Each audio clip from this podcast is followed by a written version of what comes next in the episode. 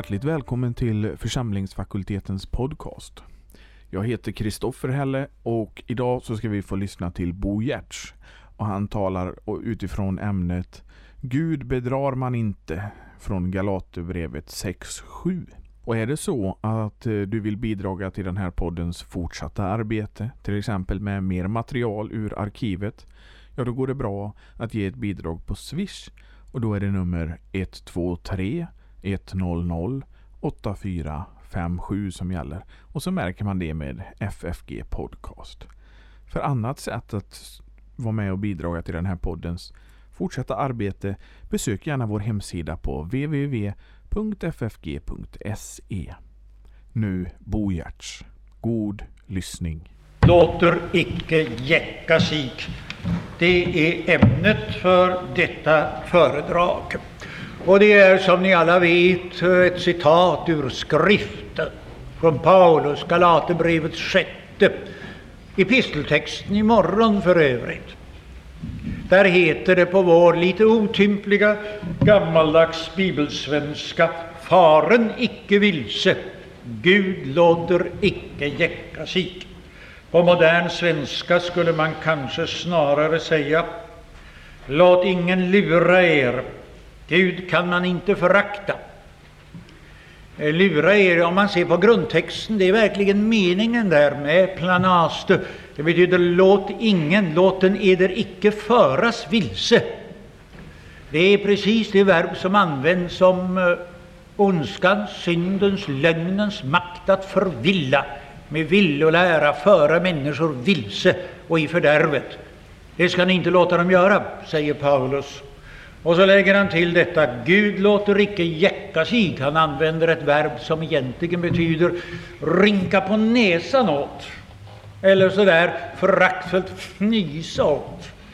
Uh, att uh, alltså behandla som luft från oben, inte vilja ta på allvar. Behandla som någonting som man inte behöver bry sig, inte behöver bry sig om. Och det kan man inte göra med Gud.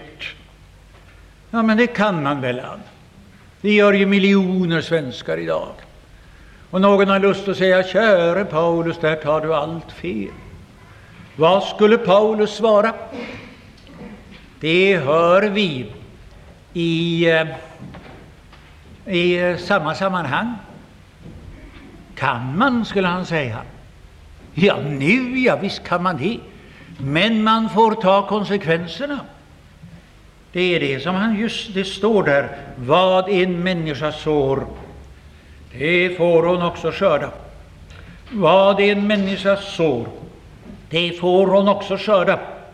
Det är alltså ansvar med att leva, och det är det just därför att Gud finns. Därför att det är Gud som har givit oss livet med en bestämd mening. Han ville någonting. Vi skulle vara hans barn. Du skulle leva av honom, genom honom, till honom, för honom, med honom. Våra ord, våra gärningar, det är inte tillfälligheter, bagateller som kastas ut och så är de borta med vinden, så som vi själva en gång ska vara, tror man. Utan det är en sådd som faller ner i jorden och växer upp, och den måste man skörda ta konsekvenserna av. Vilka? Det säger Paulus också. Den som sår i sitt kött såker, han får av köttet skörda förgängelse, säger han. Vad köttet är, det, det vet vi. Det betyder i Bibeln det som i vår, det i vår natur som, som inte kommer från Gud. Det är den egoistiska jagviljan, lusten att hävda sig själv, att ta livet i sin hand som en chans till njutning eller eh, någonting annat som man tycker om och bestämmer själv i varje fall, mitt liv. Och ta ut sina möjligheter här eftersom man inte räknar med någonting annat och inte räknar med något ansvar. För någon lag finns inte, utom samhället förstås, så långt det kan tillämpas. Men någonting högre som jag skulle vara skyldig att under alla förhållanden böja mig för, det räknar icke köttet med. Sår man nu i sitt kötts åker och lever på detta sättet, så skall man av köttet skörda fördärv. är ett grekiskt ord här som betyder undergång, fördärv, förstörelse. Och Paulus menar evigt, definitivt, irreparabelt fördärv. Det finns alltså någonting som heter att gå förlorad, missa meningen med livet som man fick av Gud. Och detta sker om man låter lura sig att strunta i Gud. Det är alltså det som Paulus säger. Ja, Paulus, säger människor. Kom nu inte dragandes med gamle Paulus igen, han var väl bara en människa. Nej, han var Jesu Kristi utkårade sändebud och han har faktiskt sagt vad hans Herre ålade honom att säga. För den som hellre vill höra Jesus kommer att få höra honom om man bara vill höra. Åter och åter säga detsamma om risken med att mista livet, missa meningen med det. Han talar om en väg som är bred och lätt att komma fram och många går där, men den leder till fördärvet. Där har vi det igen, fördärvet. Det fördärvet kallar Jesus ibland, många gånger förresten ett dussin, Gehenna, eller rent av eldens Gehenna. Han kan också kalla det för mörkret, mörkret där utanför, där man gråter och skär tänder. Var det någon som tänkte, ska det bli, eh, ska det bli eh, svavelpredikan av nu? Ja, för så reagerar människor normalt om man nämner de här sakerna. Aldrig så försiktigt. Det är ett av de verkligt stora problemen i vår tid. Det här får man inte tala om. Det passar sig inte. Det är obildat. Det är kärlekslöst. Om det är sant eller falskt, den frågan ställer man inte. För varje människa som är någorlunda förtrogen med sitt Nya testamente vet ju att detta är ett av de grundfakta som hela evangeliet utgår ifrån. Att vi lever i en fallen värld, i en mänsklighet som har kommit bort ifrån Gud och löper alla den överhängande risken att vara förbli borta. Och det är en stor olycka. Och därför vill Gud få oss hem. Och därför har han skickat Jesus Kristus i världen och ger oss möjligheten att komma hem. Han har kommit för att frälsa var och en som tror på honom. Han skall inte förgås, han får evigt liv, han kommer tillbaka hem till Gud. Detta hör till de enklaste grundfakta som kan sägas om evangeliet, om kristendomen. Att Jesus har gjort det möjligt. Genom tron på Jesus kan vi alla få vara Guds, lev, Guds glada, lyckliga barn med allt förlåtet, genom förlåtet. Trots allt. Men denne Jesus, det är möjligheten, den enda. Det är vägen, sanningen och livet. Som vi sjöng nyss, finns ingen annat namn givet genom vilket vi skulle kunna bli frälsta. Tro på Jesus så blir du frälst, eller räddad. Hur man nu vill översätta det, det är samma ord i Nya testamentet. Du blir räddad, människobarn, om du tar Jesu hand. Det är därför man inte kan strunta i Gud och förakta vad han har gjort och sagt eller rangera in det långt ner på listan över det som man eventuellt också skulle vilja tänka på och syssla med om man får tid. Människor som gör det gör det väl oftast med den baktanken att eh, det ehm, eh, klarar sig alltid. Det, där, det klarar sig alltid, det där med Gud. Hur många har klart för sig att just det att Gud finns, eventuellt skulle de säga, att det är en risk. Det är en risk med att skjuta på den frågan alltså. Vad ska vi göra åt detta? Dilemmat, det är ju detta att det är vår skyldighet att göra klart för människor att det finns en risk med att strunta i Gud. Å andra sidan så kan man skada dem, deras väg till Gud. om man gör det på ett sätt som, ja, man kan göra det på ett sätt som bara gör skada. Så att människor blockerar sig och låser sig mer än någonsin förut. Eh, det kan driva människor ännu längre bort. Jag tror att det finns tre saker som vi ska lägga märke till när det gäller väckelse i kyrkan. För detta är ju en av förutsättningarna för väckelse, att människor begriper att detta är någonting som vi, som vi inte kan fortsätta att skjuta ifrån oss. Det första som ni ska lägga märke till är det, att det är minst av allt önskvärt eller nyttigt med några svavelpredikningar, kallar de så. Så det är ju så att ingen människa kan drivas till Kristus av fruktan, genom hotelser, genom att skrämmas dit. Det kan man inte göra. Till Kristus kommer man av kärlek till honom, driven av hans kärlek, lockad av hans kärlek, som han besvarar med sitt ja. Det är den enda möjligheten att komma där. Kunde människor skrämmas in i Guds rike, då hade Gud låtit någon andlig atombomb explodera för länge sedan och satt en grundlig skräck i oss allihopa. Men det har han inte gjort, för han vet han vinner inga barn tillbaka på det viset. Därför att bli Guds barn, det är nu inte det att den gamla människan har räknat ut det lönar sig bäst. Det är inte det att man har fått bevis för att om jag satsar på det här så kammar jag in den största vinsten för egen del. Det är inte så en människa blir kristen. Det var därför, ni minns det alla, att Jesus konsekvent vägrade att göra några tecken eller under för att bevisa för dessa sina kritiker, tvivlare, alla de här frälsningsegoisterna att det lönade sig verkligen att satsa på honom.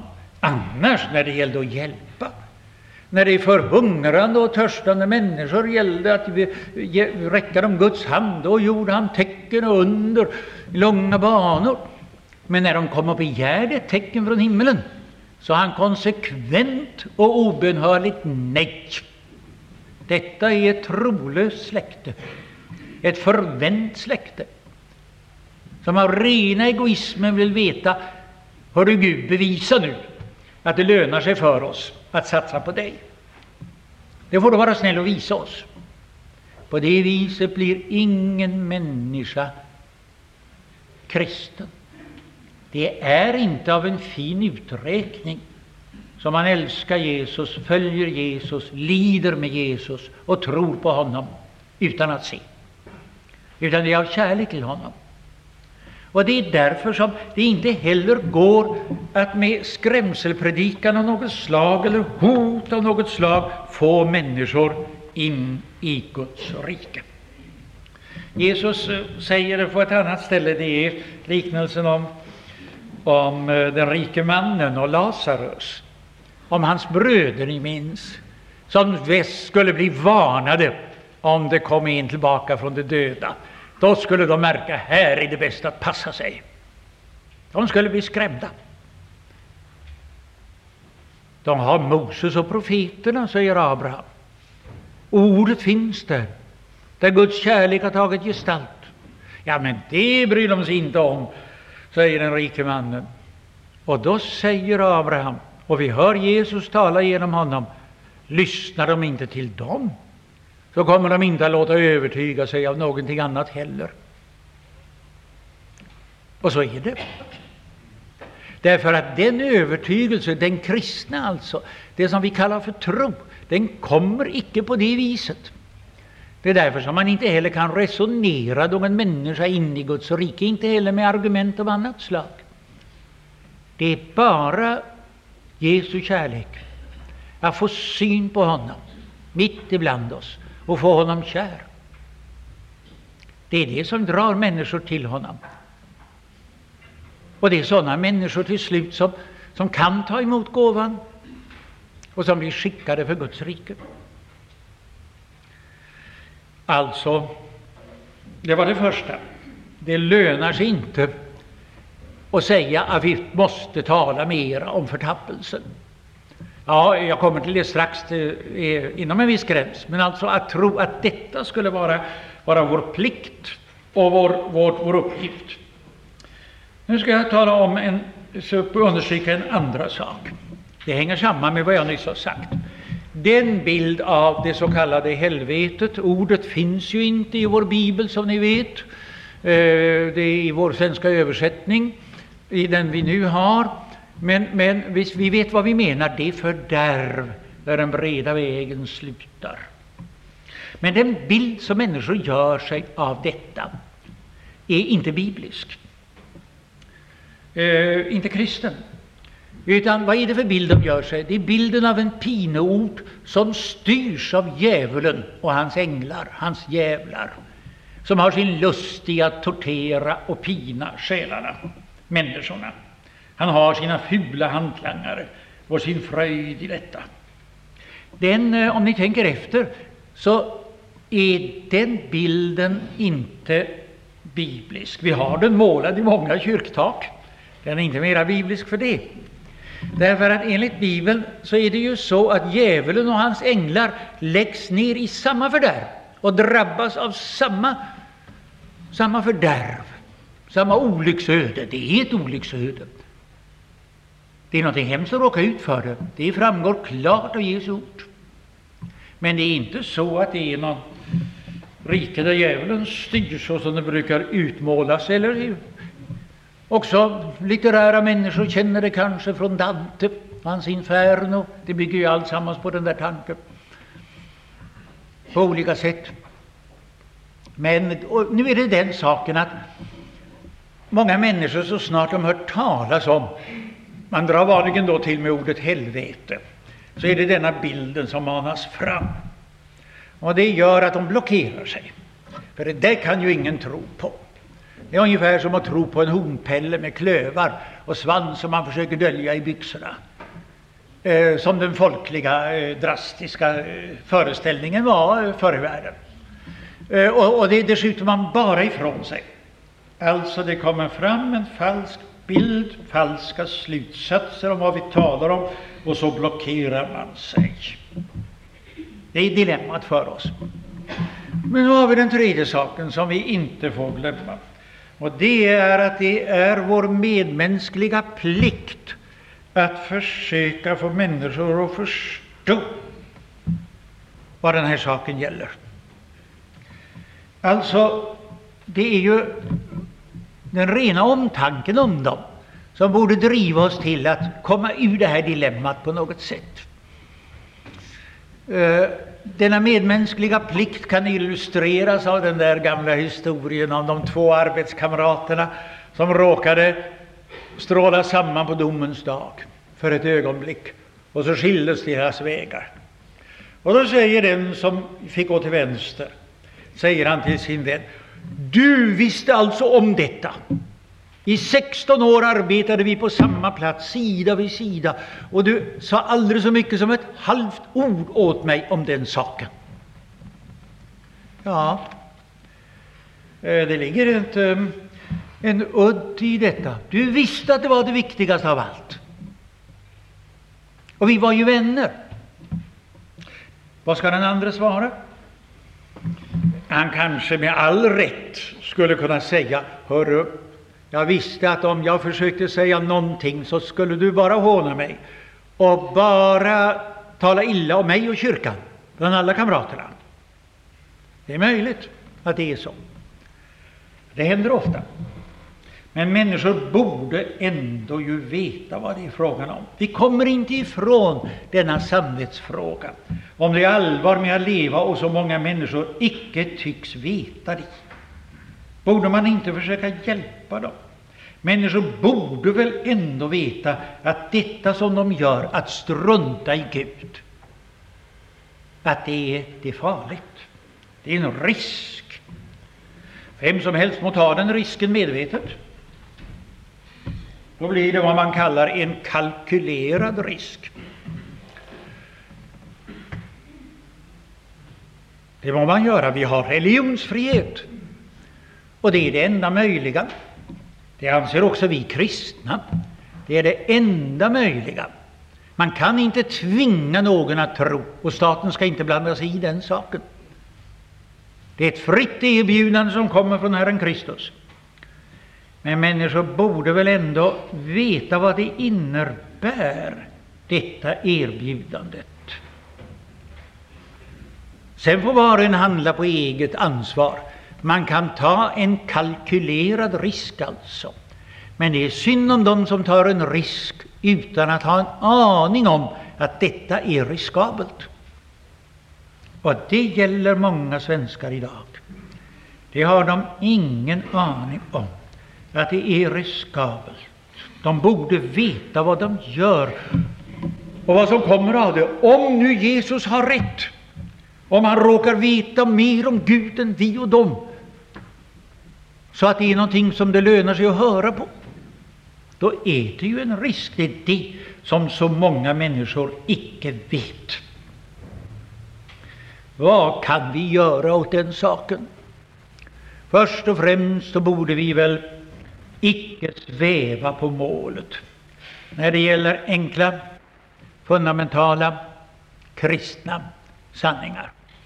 Icke sväva på målet. Det gäller kyrkans tjänare, det gäller vår förkunnelse och det gäller vår undervisning. Att våga säga inopportuna saker. Vi hörde så mycket om det igår, om den profillöshet, ja, säg det bibliskt, ett salt som har förlorat sin sälta och som med rätta kastas ut och människorna trampar på det. För de bryr sig ju inte om att ta pastor Jansson på allvar, även om de gärna har honom till präst. Det är skönt att ha sådana. Då sitter man i orubbat bo och slipper höra några som helst besvärliga sanningar. Vi får inte stoppa undan de misshagliga sanningarna. På västkusten brukar man säga helvetesbryggan ska man inte hålla, men man ska låta saken komma fram lika ofta som den gör hos Jesus. Man ska tala om var sak lika mycket som skriften gör. Har vi gjort det? Det får vi fråga oss själva, vi som skulle förkunna. Om det möjligen är så att här stoppas undan vissa sanningar, det är nog det Svenska kyrkan har gjort. Sven Stolpe blev ju intervjuad här om kvällen. Jag vet inte om någon hörde honom. Det var som alltid roligt att höra. Och han eh, blev tillfrågad då också om sin katolska tro. Det kanske ni hörde. Och lade ni märke till den frågan som kom från intervjuaren, om han verkligen kunde tro till exempel på helvetet? Det togs för givet att som katolik så förväntades han att göra det. Det verkade nästan som om intervjuaren menade att här gick en skiljelinje mellan evangelisk och katolsk tro. Att det där var någonting som Sven Stolpe hade fått lov att lägga sig till med när han gick över på påvens sida.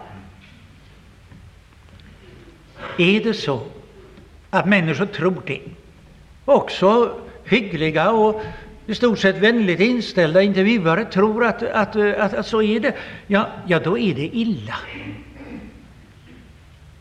Har vi evangeliska verkligen lyckats förfalska evangeliet så grundligt så folk kan tro att det är på det viset? Ibland verkar det nog så. Vi har alla mött, mött, mött sådana människor för vilka det är självklart att evangelium är en allmän lära om att Gud är gott, eller generös, eller gentil, eller hur man nu säger det. Och detta, denna tro är en förträfflig grund till att skjuta upp alla frågor om Gud. Med den övertygelsen kan man lägga allt det där på hyllan eller i frysen. Det kan man ta fram om man någon gång skulle behöva. Men för finns han så klarar det sig alltid. Det tror många svenskar. Finns Gud, ja, då är ju saken kirrad. Det klarar sig alltid. Här får vi inte sväva på målet.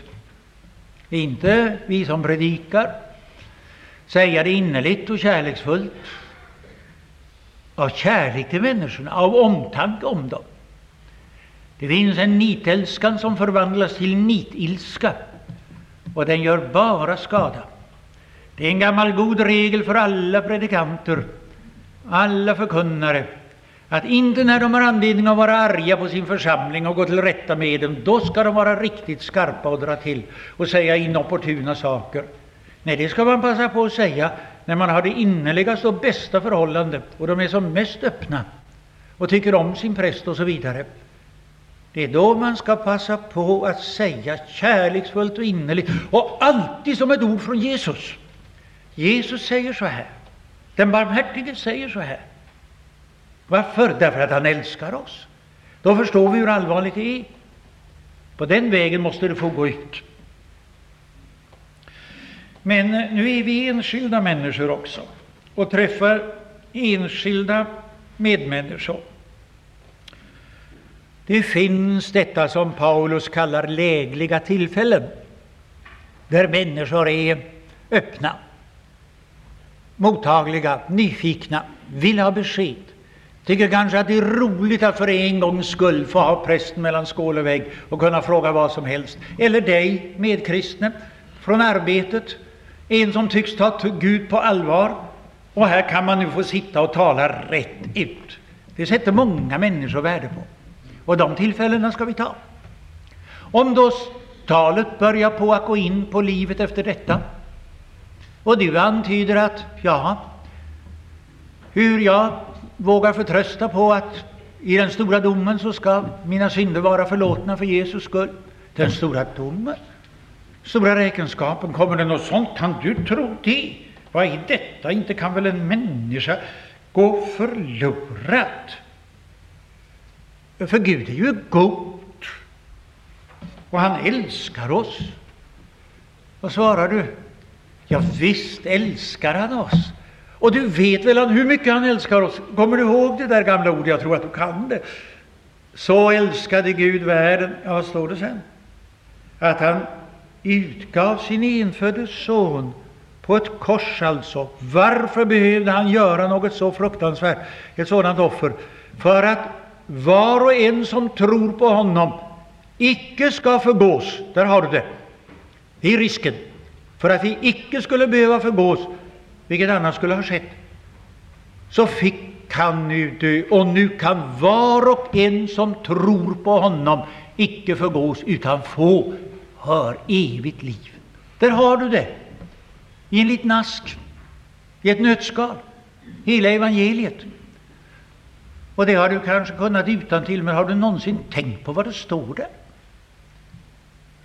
Det är bra att kunna sin bibel någorlunda och ha tänkt på den när man ska resonera med goda vänner. Har man kommit så långt så är det mycket möjligt att man möter en häpen, lite indignerad fråga som kan möta i många andra sammanhang.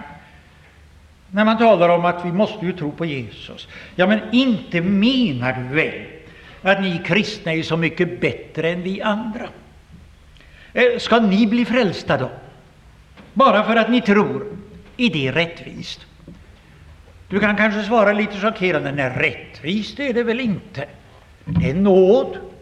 Du förstår att skulle rättvisan råda, då skulle vi gå förlorade allihopa. Det finns ingen av oss som har hållit de två först, främsta buden och älskat Gud över allting och alla människor, vår nästa, lika mycket som oss själva. Inte en dag har vi hållit de båda buden. Skulle Gud döma oss efter rättvisa, då, då skulle vi alla gå förlorade. Det var anledningen till att han skickade sin son. Nu har han öppnat en helt annan möjlighet, förstår du, för oss. En helt annan möjlighet. Alltsammans blev lagt på honom. Det där med rättvisa, det är uppklarat. Men, men nu finns det hos honom det som räddar. Försoningen, förlåtelsen. Hos honom som har dött, som har burit min synd, förstår du. Där finns förlåtelsen. Och det är den vi kan få del i, och det är det han bjuder oss till. Det är det, det, det fantastiska, att vi får komma till hans kyrka och få allt det här som vi icke har förtjänat. Men du förstår att evangelium är ju en inbjudning. Det kommer här alltså en inbjudan till oss, och på en inbjudan måste man ju svara ja. Man har inte middagen förrän man har fått kortet. Man måste ju vara där. Bröllopsmåltiden som vi är bjudna till.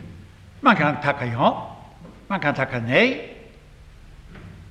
Och man kan låta bli att svara alls, fast det står om svar anhålles på kortet.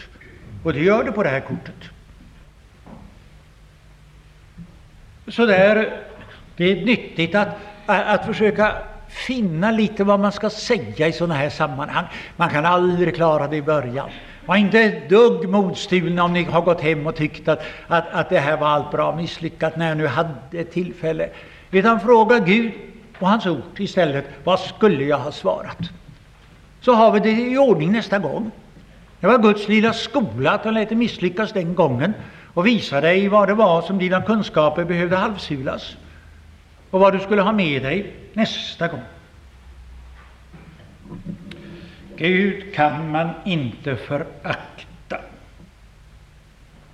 Nu ska vi till slut minnas att detta är en påminnelse som Paulus ger kristna människor. Det är alldeles klart här i Galaterbrevet. Sådana som alltså har svarat ja och som har kommit.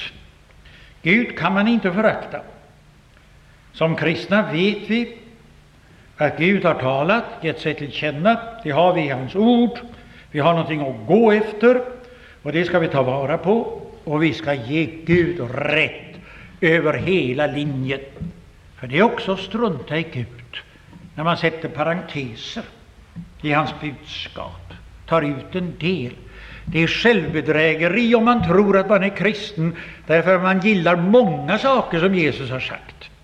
Därför att man uppskattar värden som man tror att kyrkan står för. Med andra ord, drastiskt uttryck.